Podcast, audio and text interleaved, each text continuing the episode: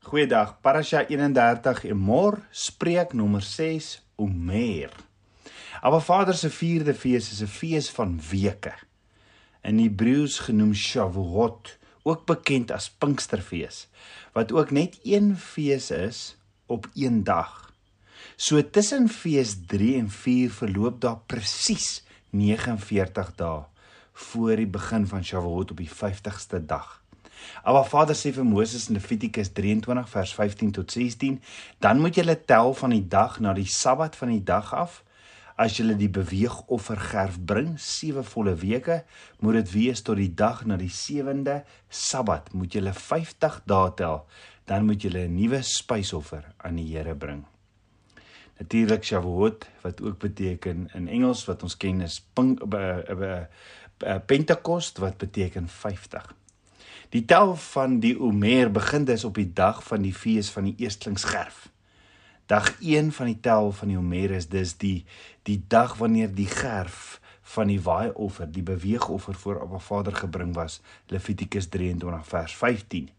Die gerf van die beweegoffer, die eerstlingsgerf, word in Hebreëus die Omer genoem en beteken 'n droë maat van ongeveer 'n 10de eva, ongeveer 2 liters of 'n gerf. Die omet tydens die fees van eerstelinge was gars wat in die aviv stadium van rypwording was. Gars was die eerste van die graanoes terwyl die koring as offer gedurende Shavuot Pinksterfees gebring was. So Abba Vader sê vir Moses om vir die kinders van Israel te sê, dan moet jy tel. En Abba Vader se woord gee geen verduideliking hoe hoekom die dae vanaf Pessach tot en met Shavuot getel moet word nie. Maar die tel van die dae gaan gepaard met 'n met 'n opgewondenheid en 'n verwagting. En dikwels behels dit ook voorbereiding vir die geleentheid. In hierdie lig moet die tel van die Omer gesien word. Ons stel die dae tot die volgende afspraak met Abba Vader. Die tel van die Omer is 'n reis van 49 dae van selfondersoek Dis 'n voorbereidingsproses in afwagting vir die seën van Shavuot. Die tel van die Omer is die selfondersoek en voorbereiding om weer soos die kinders van Abba Vader, die Israeliete by by Berg Sinai te staan en opnuut Abba Vader se woord in ons harte en verstand te ontvang. Dis 'n geleentheid vir elkeen om sy hart in orde te kry. En Abba Vader sê in Handelinge 8 vers 10 want dit is die verbond wat ek na die dae sal sluit met die huis van Israel. Ek sal my wette in hulle verstand gee en dit op hulle harte skrywe en ek sal vir hulle God wees en hulle sal vir my 'n volk wees. Yeshua sê in Johannes 14 vers 16 en ek sal die Vader bid en en hy sal julle 'n ander trooster gee om by julle te bly tot in ewigheid. En dan verder in Johannes 14 vers 26 maar die trooster, die Heilige Gees wat die Vader in my naam sal stuur, hy sal julle alles leer en sal julle herinner aan alles wat ek vir julle gesê het. En daarna gaan ons kyk as ons kyk na die fees van Shavuot. So die tel van Omer is 'n is 'n voorbereidingsproses en 'n geleentheid om voor Abba Vader te kom staan met rein hande en met 'n suiwer hart. Let wel die periode tussen tussen Pasga en Shavuot is nie 'n periode van 7 weke wat twee feeste seisoene net skei nie, maar dit is eerder iets wat baie meer belangriker as dit is. Want hierdie 7 weke is 'n opbou na iets baie groter. Jy sien, ons kan nie regtig Abba Vader se 4de fees, Shavuot, verstaan as ons nie die betekenis van hierdie 7 weke periode verstaan nie. So kom ons kyk wat gebeur in hierdie 7 weke. Die oorgangsperiode tussen Pasga en Shavuot, hierdie 7 weke, staan bekend in Hebreëus as Severat ha-Omer, die tel van die Omer. Die Omer is 'n graanoffer waarna ons gekyk het wat volgens Levitikus 23 op Abba Vader se derde fees, die fees van eerstelingsgerf, gebring is en dit is die gebeurtenis wat die getel van hierdie weke afskop of begin. OK. So die Omer offer word op die eerste gerf gebring waar Abba Vader sê in Levitikus 23 vers 11 tot 12 as julle in die land kom wat ek julle gee en sy opbrengs oes moet julle die eerstelingsgerf van julle oes na die priester bring en hy moet die gerf voor die aangesig van Jahweh beweeg sodat jy welgevallig kan wees die dag na die Sabbat met die priesters dit beweeg. So van die eerste dag van die week begin die Omer begin hulle die Omer te tel, selfs ons 50 dae lank. Ja, Abba Vader sê vir ons in Levitikus 23:16, nadat jy die Omer die Omer offer gebring het, 50 dae moet jy tel tot by Shavuot wat ook 7 sabbate insluit. Maar dan sê Abba Vader verder, die dag na die 7de Sabbat is 'n Sabbat, die fees van Shavuot, waar jy dan 'n nuwe offer moet bring, twee brode. So wat beteken die Omer offer en al die Sabbate vir ons vandag? En hoekom hou die Omer offer en die 7 Sabbate so nou verband tussen die twee feeste van Abba Vader? Om uit te vind moet ons eers weet wat beteken omer. Terug omer is 'n meting van graan. Dit is waarna ons gekyk het. Abba Vader definieer dit in Eksodus as 'n meting gelykstaande aan 'n tiende van 'n eva. Dit is hoeveel graan in die graanoffer was. Nou, dit beteken nie vir my veel nie want ons is gewoond aan gram en kilogram. Maar hoor my uit wat Abba Vader my leer. By die begin op die 3de fees, die fees van Eerstlingsgerf, waar jy moet begin tel, moet daar offer gebring word, 1 eva graan as 'n omer graanoffer. Dan tel jy 50 dae en 7 sabbate later, Abba Vader se volgende fees of afspraak met ons, dan moet daar weer 'n offer gebring word. Het jy dit gehoor? Maar dubbel soveel as 50 dae terug. Ja, maar Vader sê op Shavuot moet daar 'n offer gebring word wat ook graankorrels bevat. Die twee brode wat genoem word Shetay Halechem genoem word. En raai hoeveel graan moet gebruik word om die twee brode te bak. Maar Vader spesifiseer dit vir ons dat 2/10 van 'n eva gebruik moet word. Met ander woorde van die derde fees na die vierde fees is daar 'n verdubbeling verdubbeling wat plaasvind. Hoekom?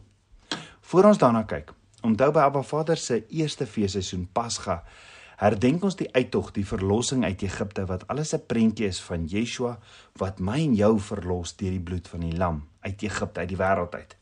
Dan weet ons ook wat ons herdenk by Shavuot. Ehm um, by Abba Vader se vierde fees is Abba Vader se instruksies waarna ons gaan kyk wat hy op ons harte kom skryf het deur Yeshua wat ons die krag gee. Maar wat gebeur tussen Abba Vader se twee feesseisoene, tussen fees 3 en fees 4? Wat gebeur in hierdie tydperk van 49 dae wat die Omer genoem word wat Abba Vader sê ons moet tel? Dis 'n reis van 49 dae van Egipte na Berg Sinai toe in die begin. Onthou hulle het uit Egipte uitgetrek en 50 dae later kom hulle by Berg Sinai. So kan die Omer die graanoffer aan Abba Vader by die fees van Eerstlingsgerf wat verdubbel het by Shavuot iets kan dit iets te doen hê met wat Abba Vader vir die kinders van Israel gegee het in die 49 dae op hulle reistog? As ook kan die Sabbat iets te doen hê met wat Abba Vader vir die kinders van Israel gegee het in die 49 dae op hulle reistog? Met ander woorde kom ek herhaal, wat het Abba Vader vir die kinders van Israel gegee? Wat ook verdubbel het. Wat ook te doen het met sabbate. Wat sou hierdie geskenk gewees het? Manna. Hoor gou die woord Omer is baie skaars in Abba Vader se woord en verskyn slegs op 'n ander plek waar dit verwys na manna.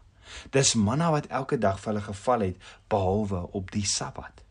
Hierdie manna was amper 'n wit kleur of parelkleur. Dit het geproe soos wafertjies wat met heuning gemaak is. En Eksodus 16 vers 31 sê en dit was wit soos koriandersaad en dit het gesmaak soos heuningkoek. Manna in Hebreëus beteken wat is dit? Die woord verwys na Eksodus 16 vers 4 na manna as the bread from heaven. Dis die manna waarvan die Israeliete elke dag van die week een porsie uit die hemel ontvang het, maar 'n dubbele gedeelte op Vrydag ter voorbereiding op die Sabbat wat sou kom presies hoeveel was hierdie porsie per persoon? In Eksodus 16 vers 22 staan En op die 6ste dag het hulle 'n dubbele porsie brood ingesamel, 2 emmers vir elkeen. Soos ons mooi kyk, sien ons alles het betrekking met die Omer offer wat verdubbel het van Abba Vader se derde fees tot die vierde fees.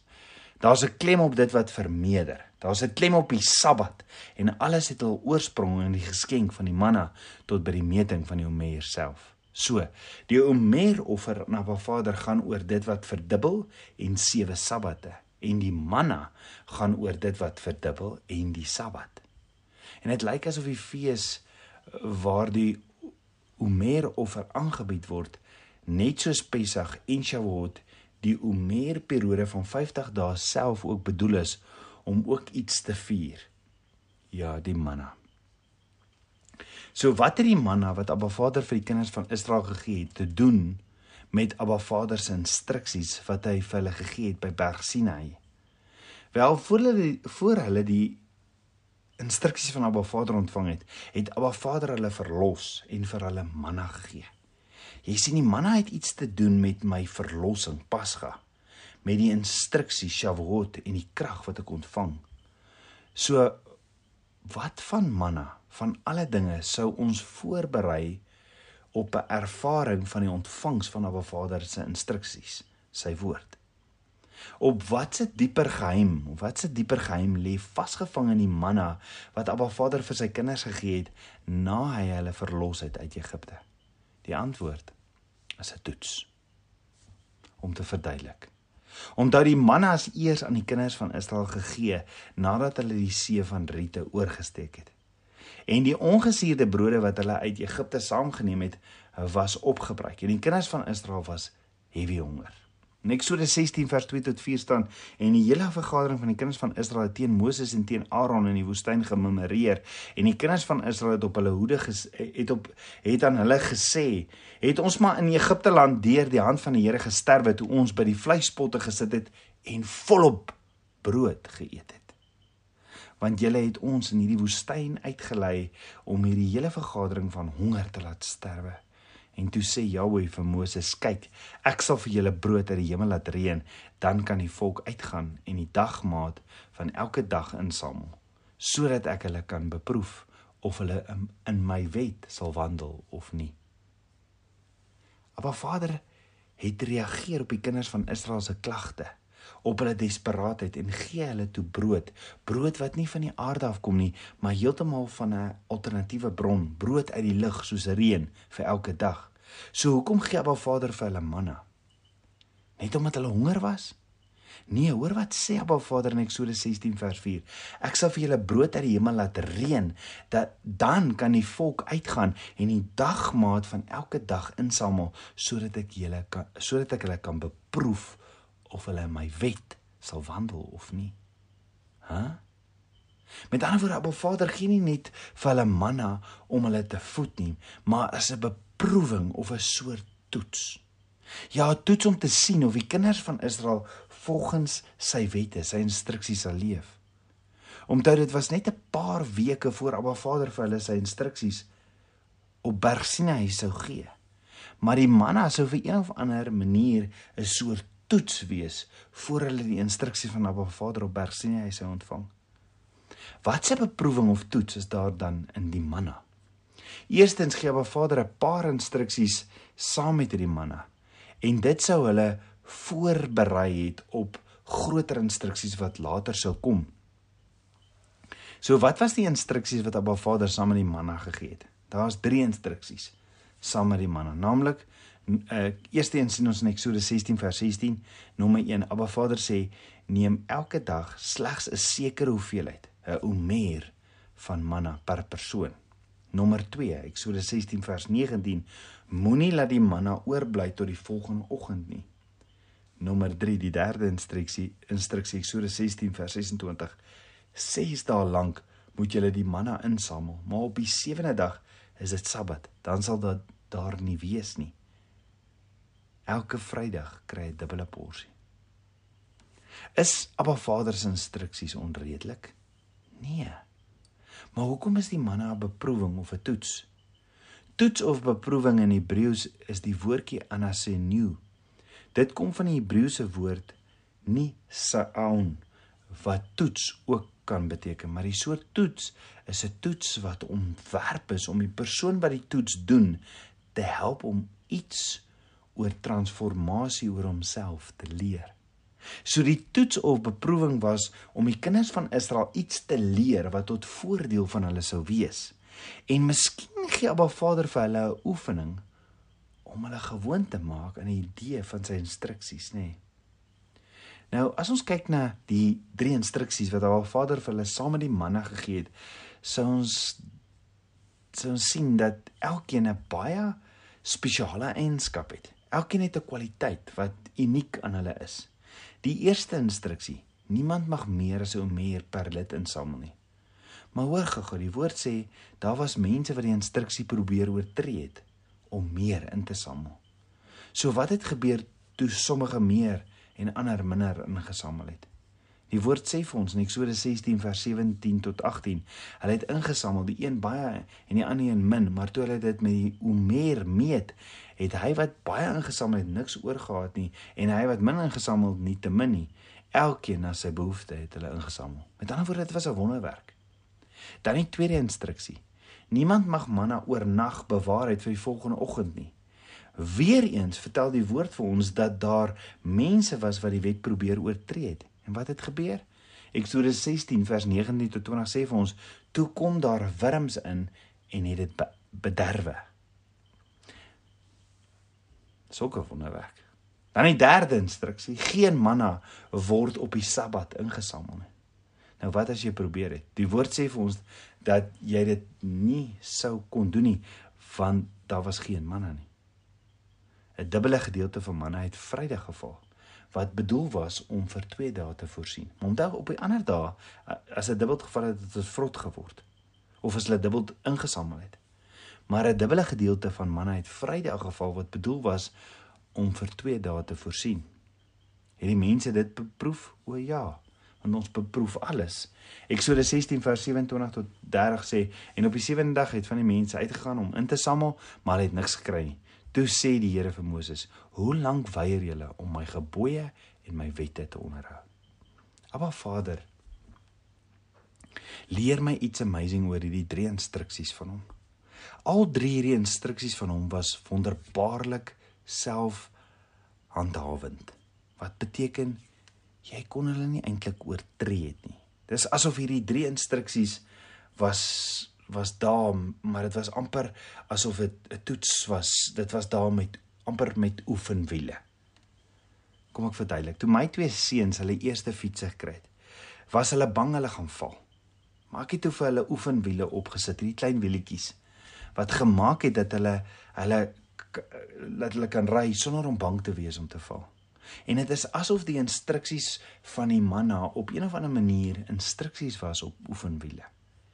Met ander woorde probeer eers die instruksies op oefenwiele sodat as hulle by Berg Sinai uitkom, Berg Sinai uitkom, dan het hulle al geleer om op 'n Vader te shema, hier listen nou by. Jy sien Abba Vader is 'n God wat help. Hy's 'n God, good good Vader. Hy's 'n Vader wat omgee. Hy's 'n Vader wat jou bystaan en wat sê moenie vrees nie. Ek is by jou. Ek sal jou help. Ek sal ek sal jou help om dit wat ek jou teen waarsku na te kom. Ja, Abba Vader gee opleiding met sy instruksies en lei jou om die regte ding te doen dat jy nie seer kry en val nie. Dis kom hy die instruksie gee. So dit wil voorkom asof ons tot die gevolgtrekking kan kom dat die manna 'n soort voorbereiding was vir die ontvangs van Abba Vader se instruksies, sy huwelikskontrak by Berg Sinai. Want onthou, toe ek my twee seuns oefenwiele opgesit het, het ek hulle gehelp om vrees te oorkom om te kan fietsry. Was daar soortgelyke vrees van Ba Vader se instruksies van die kinders van Israel? Wat 'n vrees sou die kinders van Israel gehad het vir instruksies van 'n God? O ja, onthou Farao was 'n god in Egipte wat aanbid moes word en hulle is so pas verlos van sy slawejuk, sy reëls en sy instruksies. Hulle was verlos van 'n tiran, 'n kamstige god met vreesaanjaende instruksies en vereistes. En die kinders van Israel was in vrees oor die instruksies van hierdie god Farao. Kan dit wees? Ja, want manna het die kinders van Israel ook laat terugdink aan moeilike en pynlike dae in Egipte onder Farao. Manna het hulle laat terugdink aan 'n vreesaanjaende episode wat hulle in Egipte ervaar het. Watse episode kan dit wees? Die episode waar Moses vir die heel eerste keer voor Farao verskyn het om vir hulle te vra om die volk te laat gaan om op 'n Vader te gaan aanbid in Eksodus 5. Ons weet Farao het dit nie toegestaan nie en sê toe: Ek ken geen god met die naam Jahweh nie en ek stem in elk geval nie saam met aftyd om 'n ander god te gaan bid nie. Farao het geredeneer, hy het 'n klomp slawe en Moses wil sy slawe hulle tyd en hulle produksie kom steel en Farao sê daar is bakstene wat gemaak moet word. Piramides wat gebou moet word. Hy het 'n land se ekonomie wat hy moet beheer. En dis wat die wêreld doen hè. En wat doen Farao toe? Toe hy toe Moses hulle gekom het en hierdie gesê het en hy sê nee. Hy verdubbel letterlik die eise wat hy aan die slawe gestel het. Onthou die slawe het bakstene gemaak en Farao het besluit toe dat sy slawe van daar af nog steeds dieselfde bakstene moet maak per dag, maar hy gaan nie meer strooi voorsien nie. Hulle moet dit self gaan versamel. Die Israeliete het toe self hulle strooi gaan versamel om bakstene te maak, maar dit het veroorsaak dat hulle toe nie hul kwotas gemaak het nie en is toe geslaan met swepe. Eksodus 3 vers 14. Die Israeliete stuur toe verteenwoordigers om te gaan kla by Farao en Eksodus 5 vers 15 tot 19 sê aan u dienaars word geen strooi gegee nie en hulle sê vir ons maak bakstene en kyk u dienaars word geslaan maar die skuld lê by u volk Maar Farao het geantwoord: "Lei is julle lei, daarom sê julle, laat ons gaan, laat ons aan die Here offer." Nou dan loop werk, maar strooi sal julle nie gegee word nie. Ewenwel moet julle dieselfde hoeveelheid bakstene aflewer. En die vraag is Tabernakelskind van Abba, klink iets vir jou bekend? Hoor gou-gou, toe die kinders van Israel manna moes gaan optel uit in die woestyn, moes hulle dit gaan doen het want dit was 'n instruksie van Abba Vader. Toe die kinders van Israel strooi moes gaan optel het, was dit 'n instruksie van Farao, die god van Egipte. In albei gevalle was daar daaglikse kwotas. Ja, 'n daaglikse hoeveelheid bakstene vir elke persoon, 'n daaglikse hoeveelheid manna per persoon per dag. In Egipte het die Israeliete 'n kwota bakstene per dag versamel en in die woestyn het die Israeliete 'n kwota of porsie manna gekry elke dag. Maar die parallelle stop nie hier nie. Want onthou Farao het dubbel soveel werk gegee. Onthou eers moes hulle bakstene maak en na Moses se versoek om vir Abba Vader te gaan bid, toe moes hulle die strooi versamel en bakstene bakstene maak. Net so moes die Israeliete die kinders van Israel dubbel soveel manna gaan optel het op Vrydag in die woestyn sodat hulle genoeg gehad het vir Saterdag. En onthou, Farao sê dat die Israeliete nie meer strooi moet kry nie. Farao sê dat die Israeliete nie meer strooi moet kry nie terwyl hulle ook nie minder bakstene moet produseer nie. So Farao gee nie meer strooi nie. Uh, hulle moet dit self gaan haal, maar dan mag ook nie minder bakstene geproduseer word nie. Net so sien ons ook meer en minder in die woestyn. Ja, toe die kinders van Israel manna gaan haal het, moes hulle nie meer of minder gevat het nie, almal dieselfde. Maar daar's nog een parallel. Dink gou daaroor. Wanneer is die eerste keer in die woord wat die Israeliete opdrag gekry het oor die Sabbat? Nog lank voor die 10 gebooie. Wel, ons sien nou, dit is een van die manna instruksies. Jy mag geen manna optel op Sabbat, Saterdag nie. Is dit die eerste voorbeeld van 'n opdrag met verwysing na die Sabbat? Nee. Farao het vir Moses gesê: "Jy moet die slawe alleen laat want jy wil tyd af hê." Daardie woordjie vir tyd af in Hebreëus is hishpatim. Dit is die Sabbatwoord wat as werkwoord gebruik word. So die parallelle is daar. Maar wat beteken dit nou alles? Waarom sou 'n Vader al hierdie verwysings in die manna verhaal skep tot 'n vroeë verhaal waarin Farao betrokke was?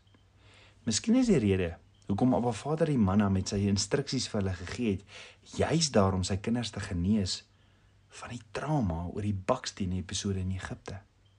Want Abba Vader weet met watse pyn en seer ons sit en ons moet deel daarmee. Want sien ons dien 'n God wat alles sien, El Roi, God that sees. Met ander woorde, miskien was die instruksie met die manne daar om hulle te verlos van die vrees en die trauma wat die kinders van Israel beleef het wat hulle harde slawe werk aan bakstene wat gemaak moes word wat daar gelê het op hulle harte. Want ons sien is hier by die maak van die bakstene waar ons waarlik sien hoe swaar die Israeliete gekry het omdat hulle Abba Vader wou gaan bid het. Farao se wreedheid het gemaak dat die Israeliete fisies mishandel is. Farao het hulle sielkundig misbruik. Hy het hulle uitgeskel as lijk, soos Eksodus 5 vers 17, omdat hulle Abba Vader wou gaan bid het. Hulle raadpleeg Farao en hy hoor hulle nie eers nie. Farao vat ook hulle kosbaarste bron in Egipte weg en dit was hulle tyd. So wat Farao eintlik vir hulle gesê het deur te sê julle is lui omdat julle tyd wil hê om julle God Jahwe te gaan bid. Wat Farao eintlik vir hulle gesê het is as julle tyd het om na te dink om julle God te gaan dien, beteken dit dat julle te veel tyd het op julle hande. En slawe is nie veronderstel om dit te doen nie. As jy tyd het om na te dink, beteken dit mos jy werk nie hard genoeg nie. Dis dis die prentjie in die wêreld. Jy sien in Farao se oë was al sy slawe bloot instrumente van 'n massiewe baksteen meganisme.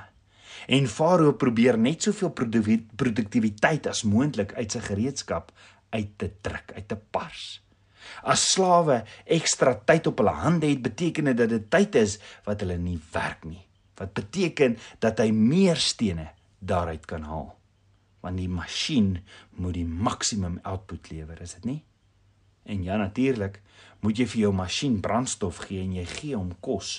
Soveel brood as wat jou slawe benodig, want sjoe, hoe meer kalorieë jy daarin gooi, hoe meer bakstene spoeg hulle uit.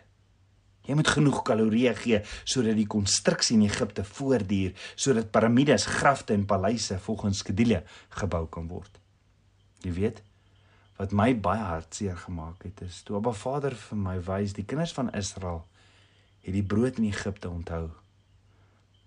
Want hulle sê vir Moses in Eksodus 16 vers 2 tot 3 het ons man in Egipte land deur die hand van die Here gesterwe toe ons by die vleispotte gesit en volop brood geëet het. Want julle het ons in hierdie woestyn uitgelei om hierdie hele vergadering van honger te laat sterwe. Met ander woorde, na alles wat Abba Vader vir hulle gedoen het om hulle te verlos, het hulle lieflike herinneringe aan die warm reuk van die Egiptiese brood, hoe hulle dit gelief het om dit te eet en hoe dit hulle versadig het. Maar hulle vergeet al die wonders. Maar jy sien, daardie brood was misleidend. Dit was wreedaardig en verleidend. Dit was brood vir bakstene. Alhoewel jy vars brood gekry het was omdat Farao wou gehad het dat jy jouself moet doodwerk.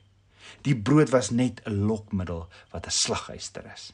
En Abba Vader leer my twee dinge wat die Israeliete geleer het uit Egipte en wat ons kan leer uit die wêreld, naamlik die brood van die wêreld is aanloklik. Dis 'n lokmiddel, dis 'n gif.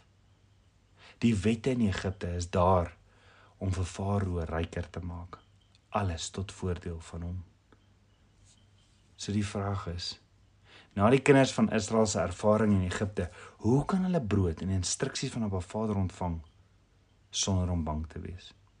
En dit was die uitdaging waarmee die waarmee Abba Vader hulle uit Egipte gebring het. Want jy sien jy kan die slawe uit Egipte gaan haal, maar hoe haal jy Egipte uit die slawe uit?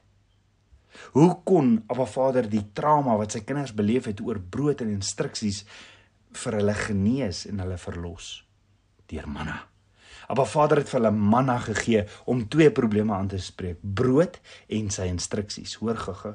Een van die maniere hoe Abba Vader sy kinders van Egipte se trauma kon verlos, was om hulle sy Shema leefstyl te leer. Hulle moes leer om na hom te Shema, Heer luister nou by. Hulle moes hom gehoorsaam.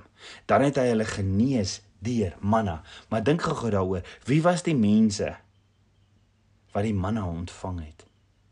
Dit was mense wat net 'n paar dae gelede die see van Rietsee oorgesteek het toe die waters op wonderbaarlike wyse verdeel het. Dit is die mense wat die 10 pla eestans gesien het. Hulle het Abba Vader se verlossingsplan ervaar en beleef met die bloed aan die deurkusyne.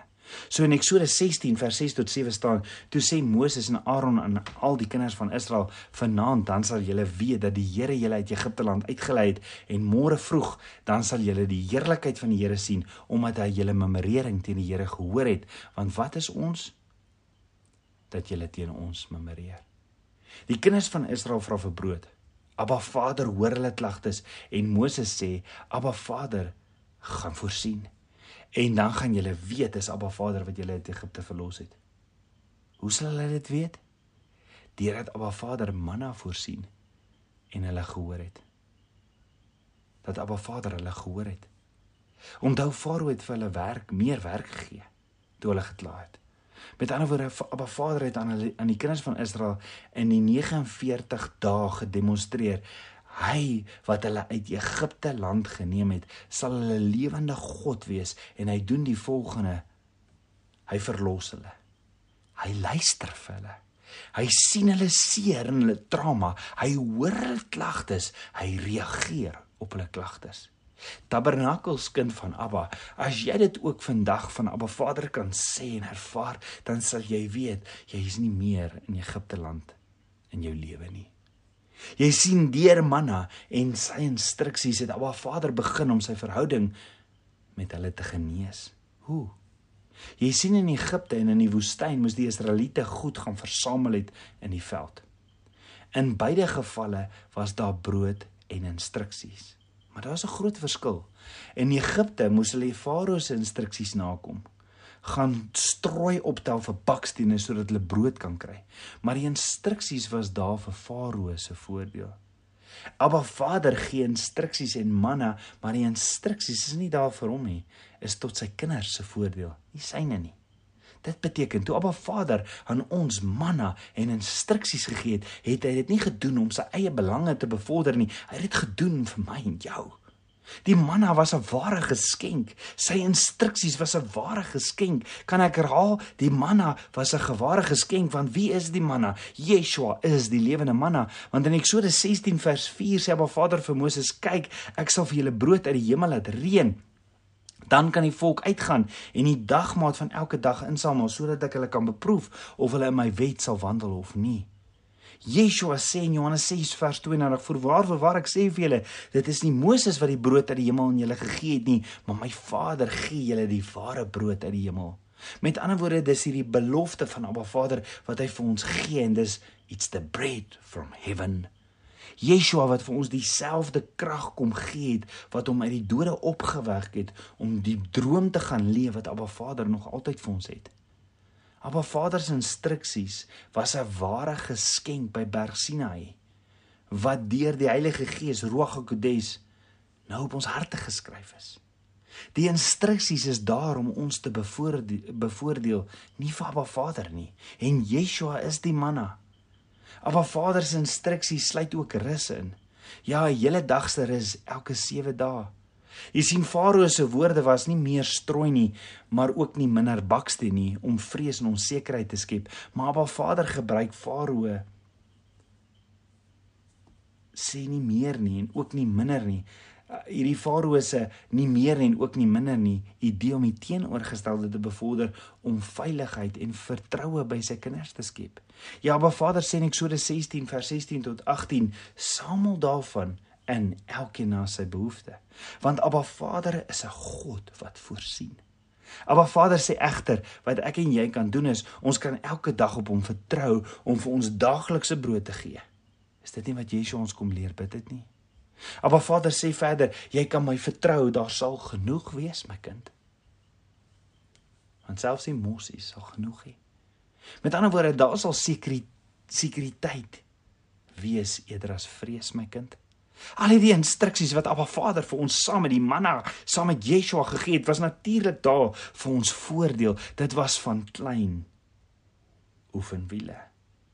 Dit is ontwerp om ons gewoon te maak aan iets wat effens teenwerkend van die wêreld is, dat ons 'n lewende God dien wat nie net besorg is oor homself nie en wat nie net sy eie belange bevorder nie. Abba Vader leer ons deur die manna Yeshua 'n paar basiese dinge wat deurslaggewend is in ons lewe, naamlik dat Abba Vader wil hê ons moet rus.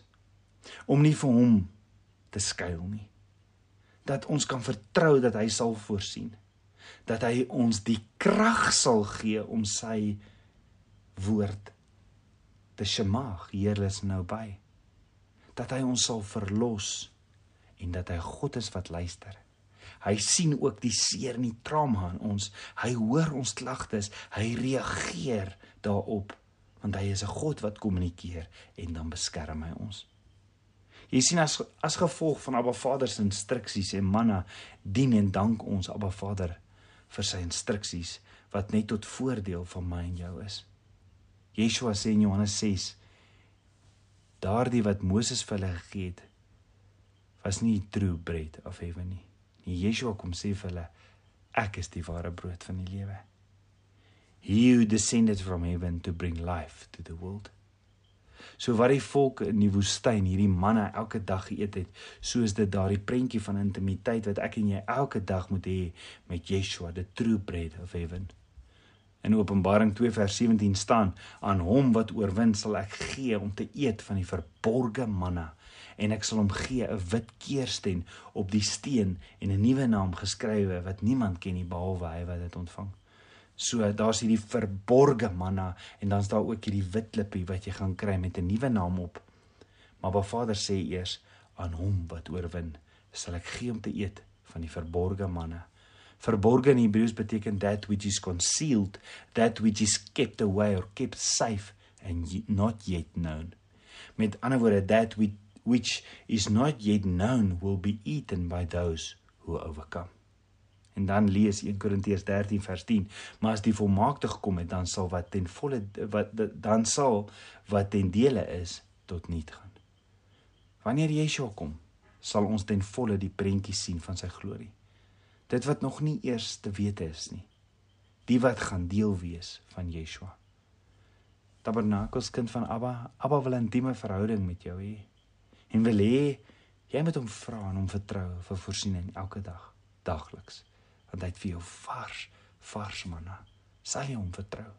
Hy's 'n good good Vader. Kom ons bid saam. Aba Vader, skieper van my hart. Aba ek loof en ek prys U. Dankie Aba Vader vir U perfekte woord wat perfek kom vervul is deur U seun Yeshua. Leer my en gee vir my 'n teachable spirit asseblief Abba. Vader kom was my hart skoon met U woord verwyder al die suurdeeg in my lewe. Papa God kom lewe u droom deur my. Leer my u geheimenisse in u woord, meer en meer van u. Ek bid dit alles in Yeshua Messie se naam, die seun van Jahweh. Amen. Shalom.